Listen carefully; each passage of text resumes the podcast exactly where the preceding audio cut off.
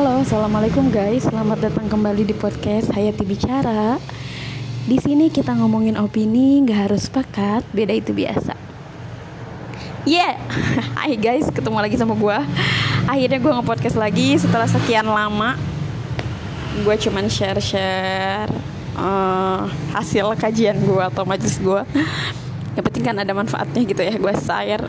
Hmm, Eh BTW apa kabar nih hati? Masih aja kosong. Semoga hatinya selalu dalam keadaan lembut ya guys ya. Bersih dan suci.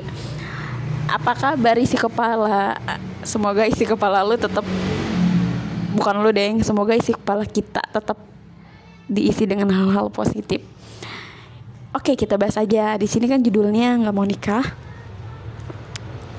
uh, jadi 2017 atau 2016 ya gue lupa. Gue sempat dapet gue sorry banget nih kalau berisik karena gue di tempat kerja podcastnya gue sempat dapat pertanyaan dari salah satu temen gue tentang uh, boleh nggak sih kalau kita nggak nikah? Uh, dari kata lain dari pernyataan dia kalau dia nggak mau nikah. Dan alasan dia nggak mau nikah itu karena trauma diputusin cewek. Intinya karena tersakiti lah. Kalau pertanyaannya boleh nggak sih? Kalau kita nggak nikah ya boleh. Gitu karena kan menikah itu sunnah. Bukan wajib. Tapi perlu kita klarifikasi lagi. Itu sunnah yang dianjurkan. Sunnah. Jadi kalau sunnah yang dianjurkan ya harus uh, dikerjakan lah kalau mampu gitu kan. Karena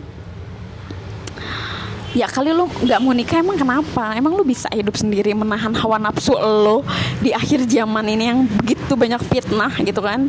Lu buka sosmed aja bikini di mana-mana gitu kan? Astagfirullahaladzim sorry. Maksud gitu lu buka sosmed ya lu buat jaga pandangan tuh super super susah gitu kan? Lu bahkan lu bisa jinah cuma dengan buka sosial media gitu kan? Terus lu nggak mau nikah yang memang di situ letaknya lu meluapkan biologisnya lu gitu kan. Tapi tuh kan gue banyak tapinya bukan berarti lu seenak jidat.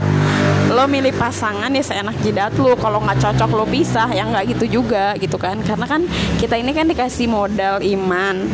Terus kita tuh punya akal nih ya. Kan akal tuh kan ya kalau semakin dipersa kalau akal dis disandingkan dengan iman itu kan akan semakin taat dan takwa nih kitanya. Nah jangan asal-asal juga gitu. Jadi kalau kita boleh nggak sih kalau kita nggak nikah? Boleh. Di zaman dulu ada beberapa ulama yang memang tidak menikah karena dia sibuk belajar dan mengajar. Jadi kalau lu nggak nikah alasan lu cuman karena lu traumatis atau alasan lu karena lu ada takut karena background keluarga lu bikin lo trauma atau orang tua lo bikin takut atau lo pernah sakit hati lo nggak mau nikah biar lo bebas dari aturan atau lo nggak mau nikah karena nggak mau diatur atau ada yang mengatur lo nggak mau nikah karena lo pengen nemplok sana nemplok sini. Fix lo keliru dan mindset lo tersesat sudut pandang lo salah banget karena kalau lu nggak mau nikah lu buat belajar dan mengajar seumur hidup lu dan lu menghibahkan diri diri lu buat agama Allah ya silahkan silahkan sangat dipersilahkan karena memang ada beberapa ulama contohnya Imam, Imam Nawawi beliau nggak menikah karena sibuk belajar dan mengajar gitu kan. Nah lo siapa? Mau disandingin dengan level ulama Imam Nawawi gitu karena kita tuh siapa? Kita tuh siapa? Hanya remeh-remeh ranginang atau remeh-remeh uh, remeh-remeh nasi yang nggak sengaja keinjek kadang ya sama orang gitu kan. Jadi menurut gue kalau kita nggak mau nikah karena alasannya bukan karena syariat atau memang alasannya cuman karena kita mau lari dari masalahnya kita itu sangat-sangat perlu dibenarkan atau dibetulkan. Kayak misalkan contoh lu punya trauma tentang background keluarga atau lu pernah terjebak di toxic parenting toxic family gitu kan itu bisa kok dibenerin gitu bisa kok disembuhin gitu bisa kok diperbaiki. Dan perlu diingat baik-baik setiap orang itu kisahnya berbeda setiap orang punya ujiannya. Dan Allah tuh nggak pernah mengabaikan membiarkan hambanya tanpa solusi ketika diuji. Jadi kalau kita diuji pasti dikasih jawabannya sama Allah. Asal jangan nyari yang lain. Lo punya masalah diuji nyembahnya yang lain. Nguji nyari jawabannya ke manusia nyari jawabannya ke Allah gitu. Ikhtiarnya tetap ke manusia itu bisa. Kayak misalkan lu punya masalah mental gara-gara traumatis uh, background keluarga lu ya silakan cari psikolog atau enggak konsultan psiak psikiater. Gua rasa sekarang zaman yang canggih mudah banget buat kita mengakses hal-hal baik atau lu dimulai dengan berdiskusi sama teman lu bercerita tentang pola bercerita tentang sudut pandang lu mungkin teman lu juga bisa bantu. Kalau lu belum bisa membuka diri ke yang lebih jauh yang jelas hmm, jangan sampai satu keputusan kita adalah keliru.